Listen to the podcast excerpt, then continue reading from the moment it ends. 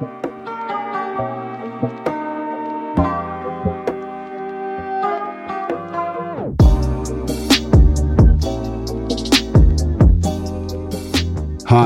my name is Zach, and together with Wikipedia, I'll help you fall asleep. Get cozy and relax. I'll read out loud to you. Today, deja vu. Some sort of flashback.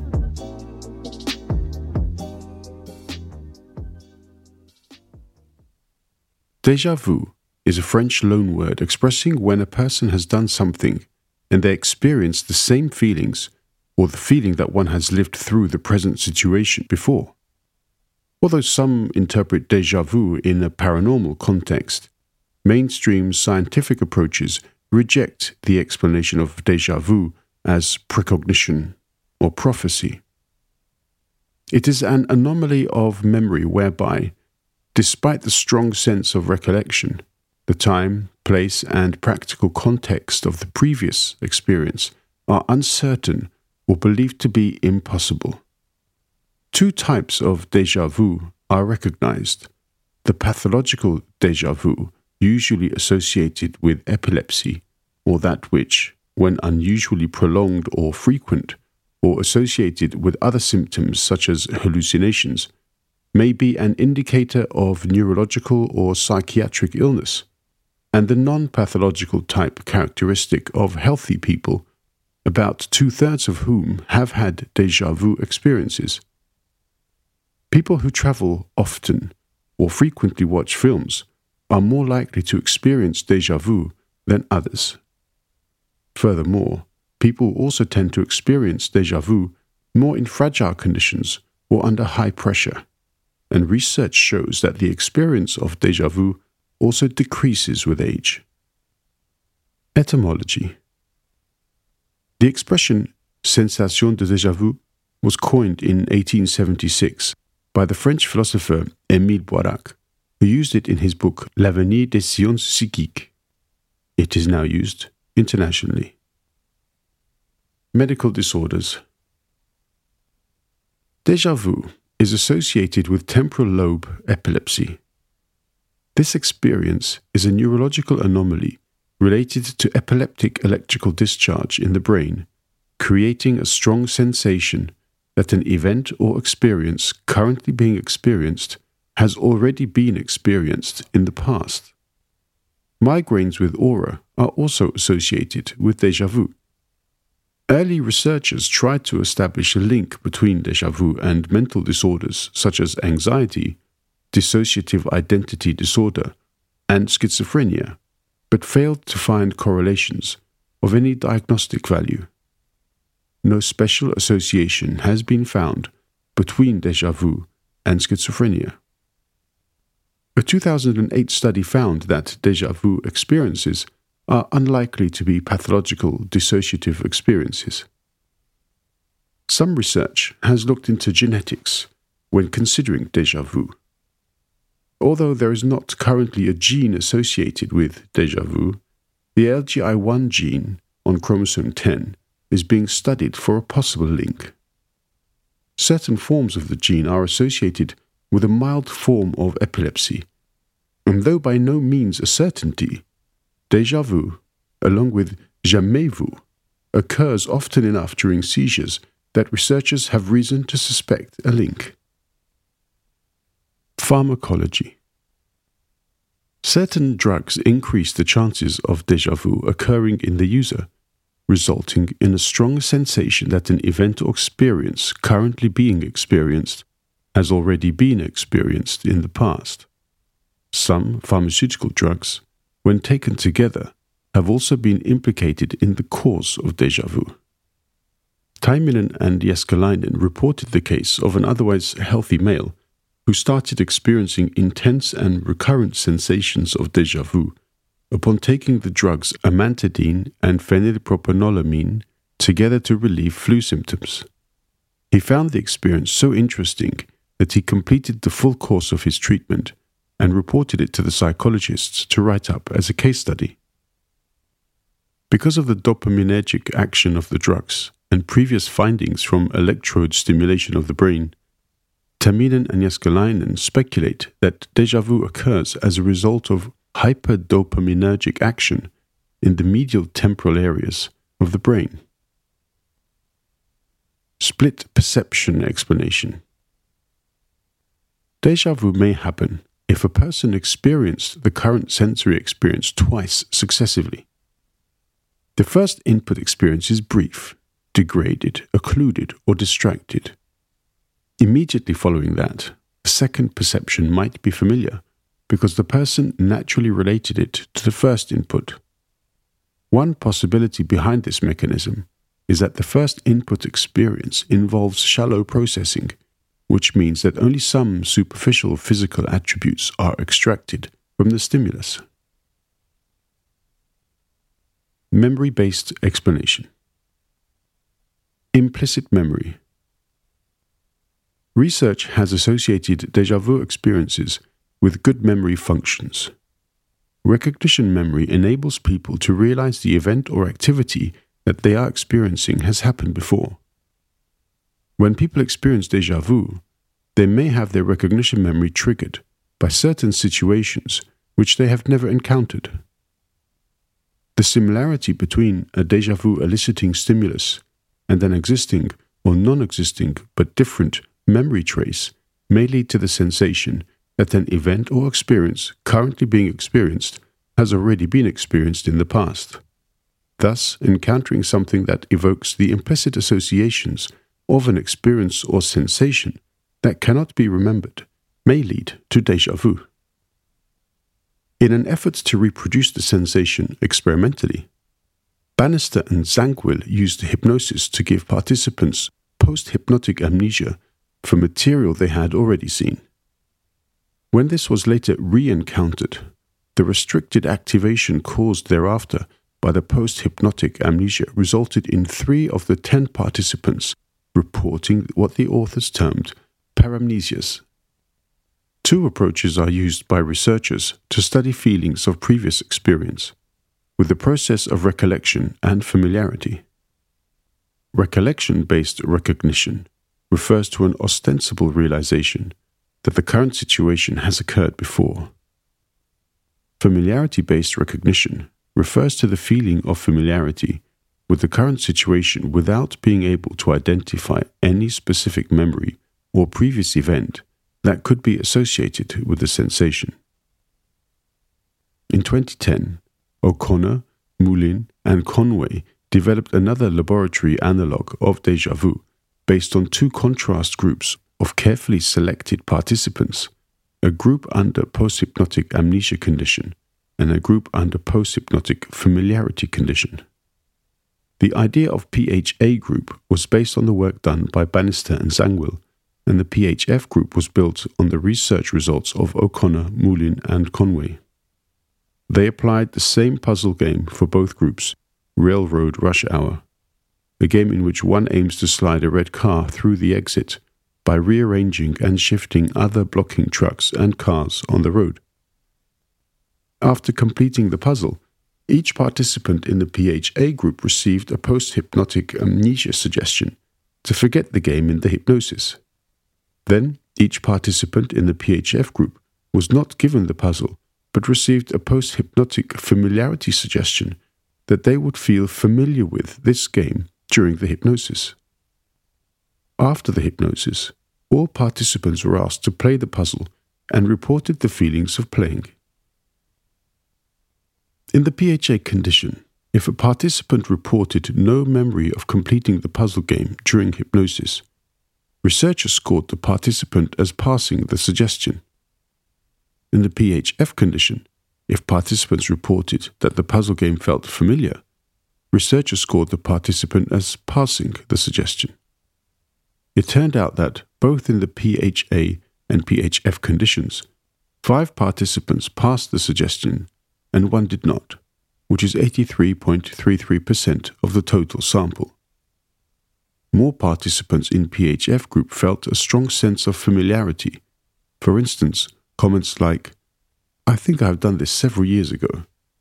Furthermore, more participants in PHF group experienced a strong deja vu, for example, I think I have done the exact puzzle before.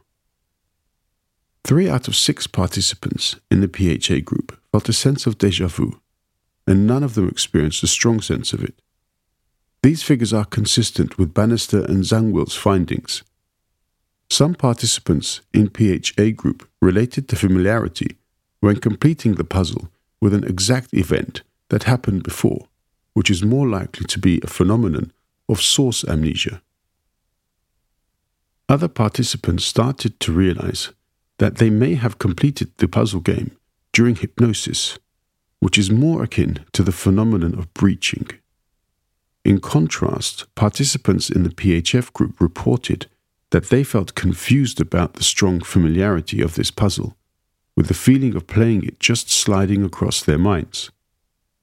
Overall, the experiences of participants in the PHF group is more likely to be the deja vu in life, while the experiences of participants in the PHA group is unlikely to be real deja vu.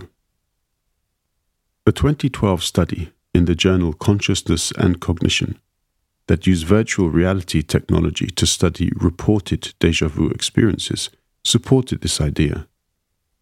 This virtual reality investigation suggested that similarity between a new scene's spatial layout and the layout of a previously experienced scene in memory may contribute to the deja vu experience. When the previously experienced scene fails to come to mind in response to viewing the new scene, that previously experienced scene in memory can still exert an effect. That effect may be a feeling of familiarity with the new scene that is subjectively experienced as a feeling that an event or experience currently being experienced has already been experienced in the past, or of having been there before despite knowing otherwise. Cryptomnesia. Another possible explanation for the phenomenon of deja vu is the occurrence of cryptomnesia, which is where information learned is forgotten but nevertheless stored in the brain, and similar occurrences invoke the contained knowledge leading to a feeling of familiarity because the event or experience being experienced has already been experienced in the past, known as deja vu. Some experts suggest that memory is a process of reconstruction rather than a recollection of fixed, established events. This reconstruction comes from stored components involving elaborations, distortions, and omissions. Each successive recall of an event is merely a recall of the last reconstruction. The proposed sense of recognition involves achieving a good match between the present experience and the stored data. This reconstruction, however, may now differ so much from the original event, it is as though it had never been experienced before, even though it seems similar. Dual neurological processing.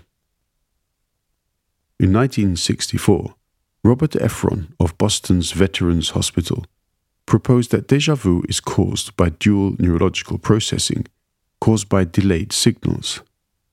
Efron found that the brain's sorting of incoming signals is done in the temporal lobe of the brain's left hemisphere. However, signals enter the temporal lobe twice before processing, once from each hemisphere of the brain normally with a slight delay of milliseconds between them. Efron proposed that if the two signals were occasionally not synchronized properly, then they would be processed as two separate experiences, with the second seeming to be a reliving of the first. Dream based explanation. Dreams can also be used to explain the experience of deja vu, and they are related in three different aspects. Firstly, some deja vu experiences duplicate the situation in dreams instead of waking conditions, according to the survey done by Brown. 20% of the respondents reported their deja vu experiences were from dreams, and 40% of the respondents reported from both reality and dreams.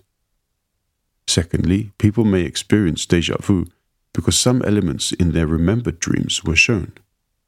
Research done by Zuger supported this idea by investigating the relationship between remembered dreams and deja vu experiences and suggested that there is a strong correlation. Thirdly, people may experience deja vu during a dream state, which links deja vu with dream frequency. Jamais vu. Jamais vu, from French meaning never seen, is any familiar situation which is not recognized by the observer. Often described as the opposite of deja vu, jamais vu involves a sense of eeriness and the observer's impression of seeing the situation for the first time, despite rationally knowing that they have been in the situation before. Jamais vu is more commonly explained as when a person momentarily does not recognize a word, person, or place that they already know. Jamais vu is sometimes associated with certain types of aphasia, amnesia, and epilepsy. Theoretically, a jamais vu feeling in a sufferer of a delirious disorder or intoxication could result in a delirious explanation of it, such as in the Capgras delusion, in which the patient takes a known person for a false double or impostor. If the impostor is himself, the clinical setting would be the same as the one described as depersonalization. Hence, jamais vus of oneself or of the reality of reality are termed depersonalization or surreality feelings. The feeling has been evoked through semantic satiation. Chris Moulin of the University of Leeds asked 95 volunteers to write the word door 30 times in 60 seconds. 68% of the subjects reported symptoms of jamais vu, with some beginning to doubt that door was a real word. The experience has also been named Vujade and Vejadu. Déjà vécu. Déjà vécu, from French meaning already lived, is an intense but false feeling of having already lived through the present situation. Recently, it has been considered a pathological form of deja vu. Unlike deja vu, deja vécu has behavioral consequences. Because of the intense feeling of familiarity, patients experiencing deja vécu may withdraw from their current events or activities. Patients may justify their feelings of familiarity with beliefs bordering on delusion presque vu. Presque vu, from French meaning almost seen, is the intense feeling of being on the very brink of a powerful epiphany, insight, or revelation, without actually achieving the revelation. The feeling is often therefore associated with a frustrating, tantalizing sense of incompleteness or near completeness. Déjà rêvé. Déjà rêvé, from French meaning already dreamed, is the feeling of having already dreamed something that is currently being experienced. Déjà entendu, déjà entendu, literally already heard, is the experience of feeling sure about having already heard something, even though the exact details are uncertain or were perhaps imagined.